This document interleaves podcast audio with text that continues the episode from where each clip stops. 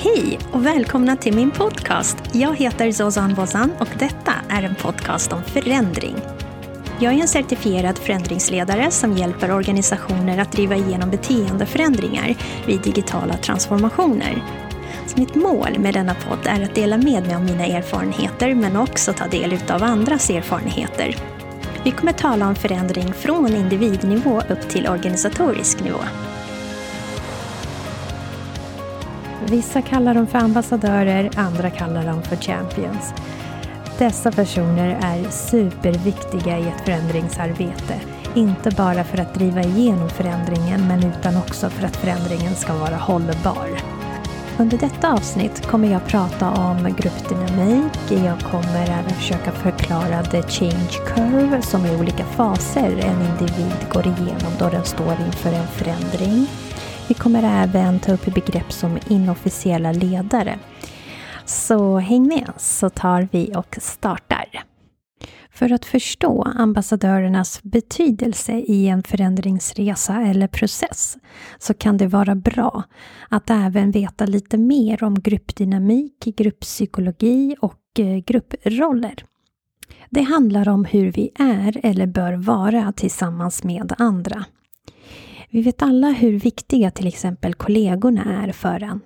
Så samspelet mellan de som jobbar på en arbetsplats är väldigt viktigt. Relationen till sina kollegor kan vara skillnaden mellan att känna att man trivs eller att man inte trivs på jobbet. Arbetsgruppen kan fungera som ett enormt stöd eller så kan det vara i värsta fall innebära konflikter och mobbing. Och en studie visar att nästan alla, alltså nio av tio av de som har sjukskrivits för psykisk ohälsa, anser att jobbet har orsakat deras besvär. Och det är inte den fysiska miljön på arbetsplatsen som de syftar på i första hand. Men hur fungerar gruppdynamik och vad finns det för olika grupper? Jo, vi har primärgruppen och sen har vi sekundärgruppen. Primärgruppen är den lilla gruppen som en familj, en arbetsgrupp. Och sekundärgruppen är till exempel, låt oss säga fackföreningar eller ideella organisationer. Och de bygger oftast på att man har gemensamma mål och värderingar. Så inom arbetsgruppen så finns det personliga relationer, man har gemensamma värderingar. Man sitter oftast under en och samma tak. Ehm, man har också samma mål som sina arbetskamrater. Och målet skulle kunna vara till exempel att man producerar en tjänst eh, eller att man ger möjlighet till omvårdnad och så vidare. De gemensamma riktlinjer och värderingar som uppstår på en arbetsplats kallas för organisations eller företagskultur.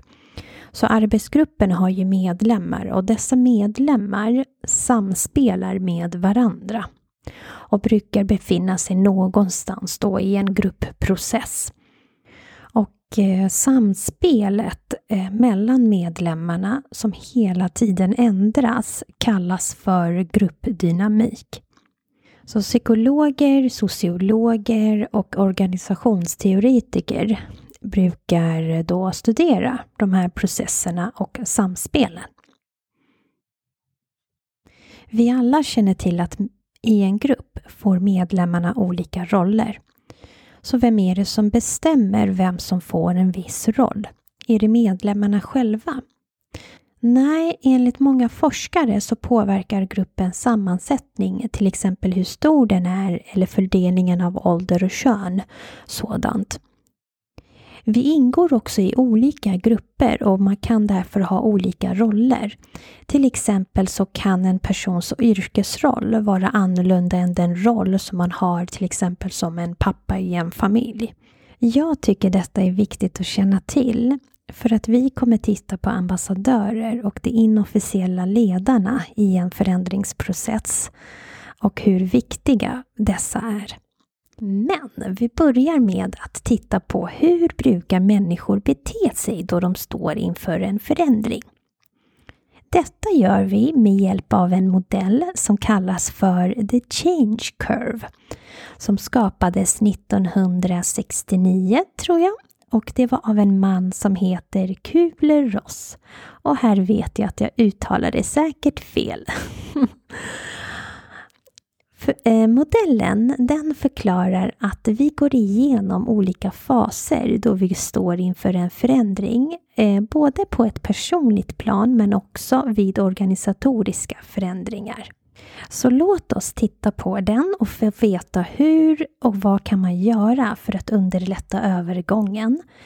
Det man kan ha i åtanke är att en persons personlighet påverkar väldigt mycket självklart. Olika personligheter reagerar på olika sätt när de står inför en förändring.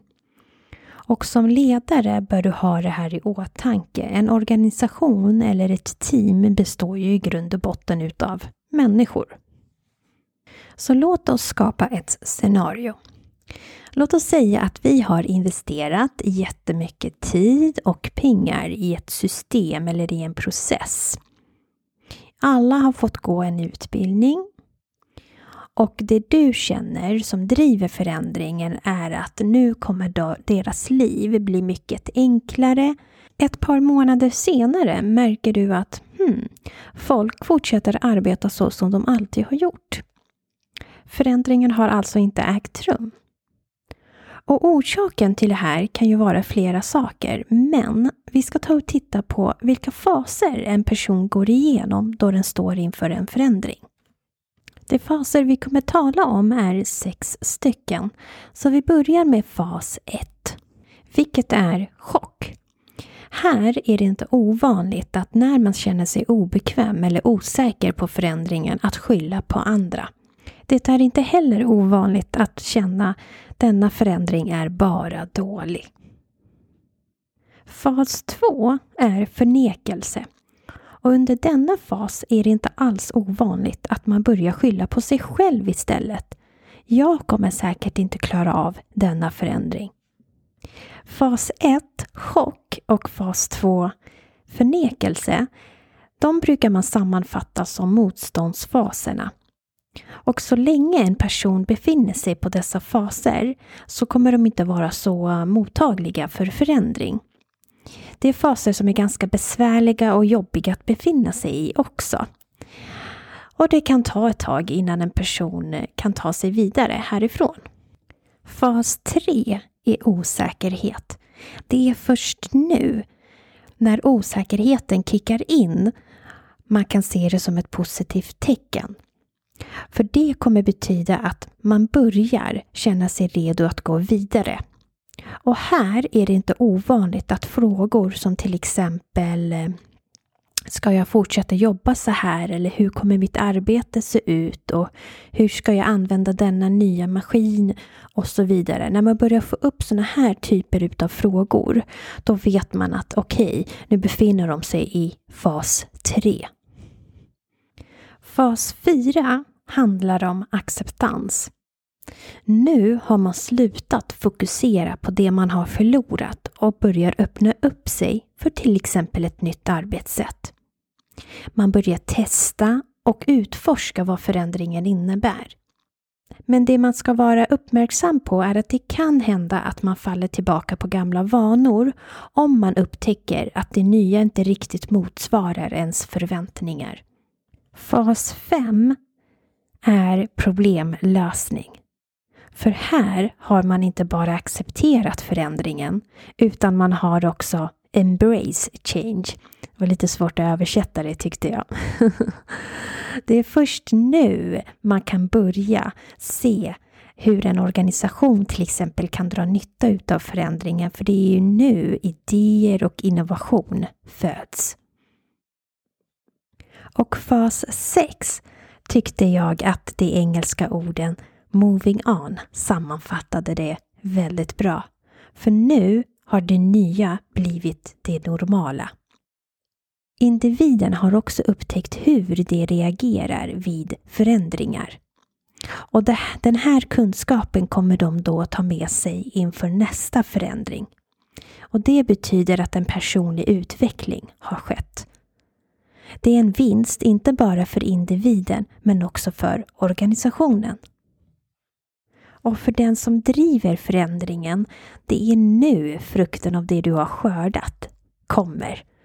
Det är därför viktigt att lyfta fram de positiva effekterna av förändringen, fira framgångarna och fira tillsammans med alla inblandade.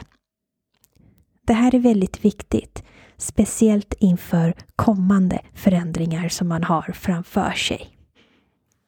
Så vad kan man göra för att hjälpa människor genom alla dessa sex faser?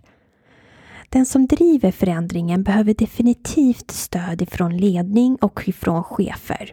De behöver också vara aktiva i förändringsprocessen.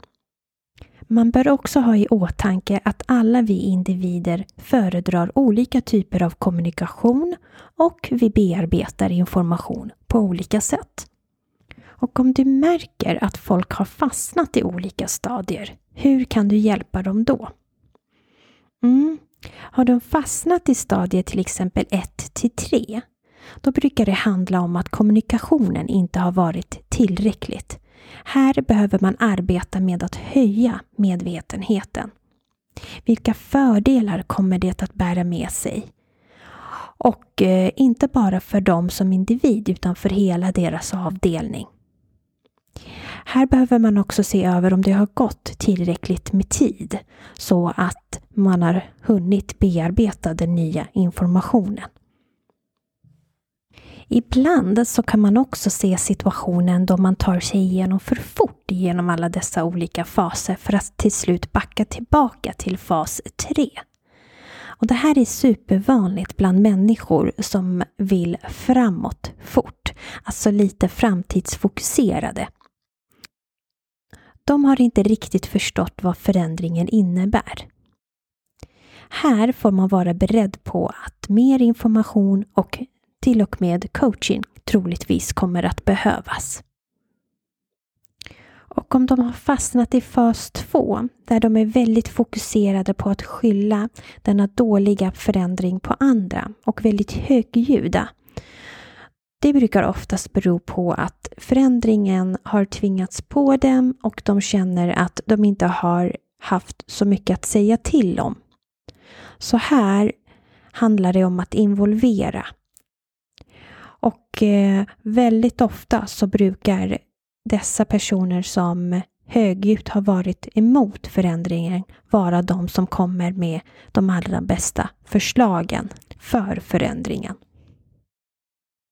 Så, vi tar och tittar på hur vi kan hjälpa individer igenom dessa faser ur ett individperspektiv. Fas 1 och 2, där man skyller på andra eller sig själv. Här handlar det oftast om att du som driver förändringen behöver lyssna. Det personerna oftast behöver är att få uttrycka sin oro. Så här så handlar det om att ha tålamod och faktiskt lyssna. Och personer som befinner sig i fas 3, de är ganska lätta att känna igen. För det de oftast brukar säga är ju saker som mm, jag är inte så säker på det här, är det meningen att jag ska arbeta på det här viset och så vidare. Här så behöver de se förändringen i en slags kontext eller i ett sammanhang så att de förstår. Och de behöver få veta fördelarna. Så med andra ord, du som driver förändringen, du behöver sälja in din förändring. Vid fas 4, då har saker och ting börjat lossna. Här är det lämpligt tillfälle att börja brainstorma, fråga om lösningar, men också visa att du finns där som stöd för dem. Vid fas 5 då har man börjat ta ansvar för förändringen. Man har slutat fokusera på det man har förlorat utan börjar gå vidare. Man vågar testa, så ger dem möjligheten och förutsättningarna för att kunna göra det. Vid fas 6 ställ frågan Vad har du lärt dig om dig själv och den resa du har gjort i och med denna förändring? Och om vi tittar på faserna ur ett organisatoriskt perspektiv, då handlar fas 1, 2 och 3 om att du behöver lyssna och låta människor uttrycka sin oro. inte reagera med massa motargument. Och ibland så kan det vara bra att fundera över hur du informerar. Det behöver inte alltid ske till exempel via gruppmöten, utan ibland så kan det vara bra att mejla separat eller informera personerna separat för att visa fördelarna och alltid tala om att du eller chefen är öppna för dialog. Fas 4 och 5 ur ett organisatoriskt perspektiv så är det väldigt bra tillfälle att ha workshops. Det är ett väldigt bra tillfälle för även brainstorming för att skapa mer engagemang. Och fas 6. Här behöver fördelarna slussas tillbaka till avdelningarna. Man brukar kategorisera människor i tre grupper. Första gruppen kallas för Early Adapters. Den gruppen är inte så stor, kanske 10-20 procent. Och de som tillhör den här gruppen är typen av människor som är förändringsbenägna. De är inte så rädda för det nya och ganska ivriga och positiva. Nästa grupp som står för kanske 50-60 procent är den gruppen som är mm, lite osäker. De har inte riktigt bestämt sig om de ska hoppa på tåget eller inte. Och sen har vi den lilla gruppen, eller tredje gruppen, som är de som inte alls vill hoppa på tåget. De är inte så förändringsbenägna, men det betyder inte att de är helt emot förändringen. I många fall så betyder det bara att de behöver mer tid på sig. Och om du nu tänker efter några sekunder så kommer du direkt kunna identifiera vilka som tillhör i vilken utav dessa tre kategorier på din arbetsplats. Så med det sagt, hur ska vi tänka när vi väljer ut våra ambassadörer? När du väljer ut dina ambassadörer är det självklart viktigt att early adapters kommer med. För det de kommer göra är att de kommer smitta av sig av sin positiva energi. Men sedan finns det ett par personer som man inte får glömma bort. Det är de inofficiella ledarna. Men då behöver jag nog förtydliga vad som menas med inofficiella ledare. Jag återkommer till det. Först har vi, vad är skillnaden mellan en ledare och en chef? Ledarskap och chefskap är två helt olika saker. Att vara chef är en yrkesroll. Det är en formell position som man blir utnämnd till. Så egentligen kan vem som helst bli en chef. Medans ledarskap, det är något som sker i relation med andra. Sedan så finns det tusen olika syn på vad bra ledarskap är. Så om vi backar tillbaka till formella och informella ledare. Vad är det för skillnad här? Jo, informella ledare finns i alla organisationer. De har väldigt mycket makt över det interna småpratet. Och många chefer kan säkert känna igen sig att ibland så har man kommit överens om något, men efter några veckor upptäcker de att ingenting av det man hade kommit överens om har uppfyllts.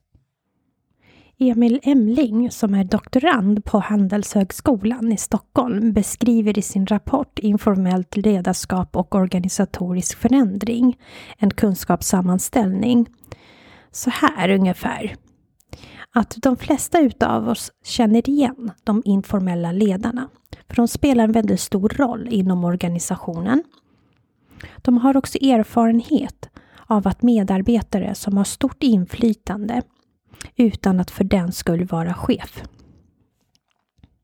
Han förklarar begreppet kanske som en ledare som inte utövar sitt ledarskap utifrån en formell position eller maktbas. Det är personer som utövar ledning och stark påverkan på andra individer inom organisationer utan att formellt vara dessa individers chefer. Så hur uppstår dessa informella ledare. Framväxten av dem är faktiskt ett spontant fenomen. Men de är väldigt viktiga ur ett kommunikationsperspektiv. De är unika och de påverkar organisationens kommunikationsstruktur. De är de som definitivt är i centrum och är opinionsbildare. Och för att grotta ner oss lite mer i det här beskriver Gunnar Ekman eh, vid Handelshögskolan i Stockholm så här. Han menar att en mycket stor del av det människor gör kan förklaras i normer i vid mening. Människors omgivning består av ett antal normer som de naturligtvis i varierande omfattning följer. De informella ledarna är oftast väktare av dessa normer i organisationerna. Normerna skapas och bekräftas i det vardagliga småpratet, menar då Gunnar. Det finns ett dolt och öppet småprat. Det dolda småpratet är dolt för de som kan sätta sanktioner i verket. Det dolda småpratet är det som tystnar när chefen kommer in i kafferummet. Desto mer förtroende medarbetare känner för sina chefer, desto mindre av samtalen lägger de i den dolda zonen. Den chef som ska leda en förändringsprocess på en arbetsplats måste både känna till vilka de informella ledarna är och vara uppmärksam på småpratet. Dessutom så får hon eller han aldrig låta pappershögarna bli en ursäkt för att inte kommunicera med sina medarbetare. För det som kan hända då är att småpratet tystnar när han eller hon kommer in i kafferummet. Så för att avrunda så välj dina ambassadörer med klokhet. Ha också i åtanke att du behöver både informera men också utbilda dina ambassadörer ordentligt. Du behöver också få dem att förstå hur viktiga de är för just det här projektet. Du behöver också bemöta deras frågor och det oro de ibland känner. Och jag brukar vara ganska transparent och säga att det här projektet kommer inte att fungera om inte jag har dem som hjälp. Jag brukar också se till att det finns ett utrymme jag brukar också se till att det finns ett utrymme eller en plattform för ambassadörerna att hjälpa varandra, men också så att jag enkelt kan nå dem när jag behöver informera. Som vi alla vet så går inget projekt exakt enligt plan. Man kommer stöta på hinder, men tillsammans så är man mycket, mycket starkare. På min hemsida zozanbozan.com hittar ni alla avsnitt, mer information, bra länkar och ni kan lämna feedback. Vill ni följa podden på sociala medier hittar ni Zozan Bozan Podcast på Instagram och Facebook. Återigen, varmt, varmt välkomna till Zozan Bozans podcast om förändring från individ till organisation. Hej då!